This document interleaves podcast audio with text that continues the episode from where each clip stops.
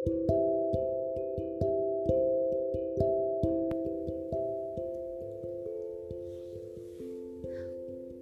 menuju siang kala itu, aku kembali bertemu dengan orang baru.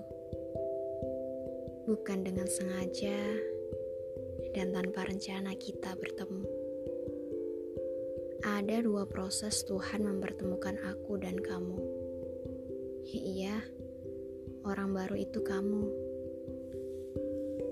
Aku dan kamu saling bertukar pandang meski pada akhirnya aku dengan cepat menatap arah lainnya. Asal itu bukan kedua bola matamu. Aku tak kuasa. Sejak kau memulai kata, saat itu pula debar pada jantungku naik tanpa bicara dulu pada pemiliknya. Entah itu sekedar suka atau hanya kekaguman semata, yang jelas ada desiran aneh menjalar begitu saja. Semakin bertambahnya waktu, aku jadi tahu siapa namamu dan di mana asalmu. Meski informasi tentangmu tidak segamblang yang kuinginkan, setidaknya aku masih bisa mengingat betapa manisnya senyum itu.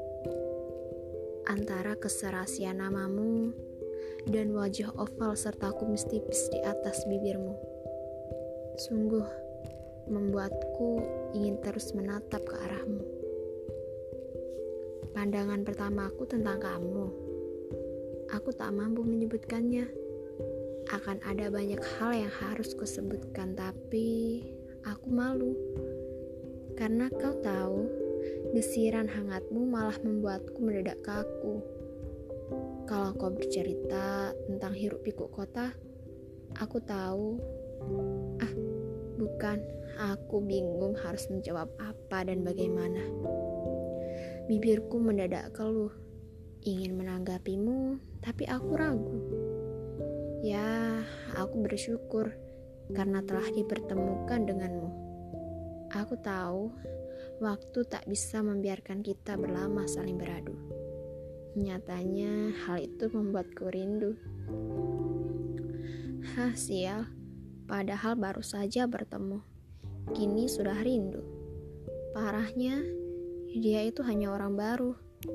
Kenapa harus cepat itu? Dasar aku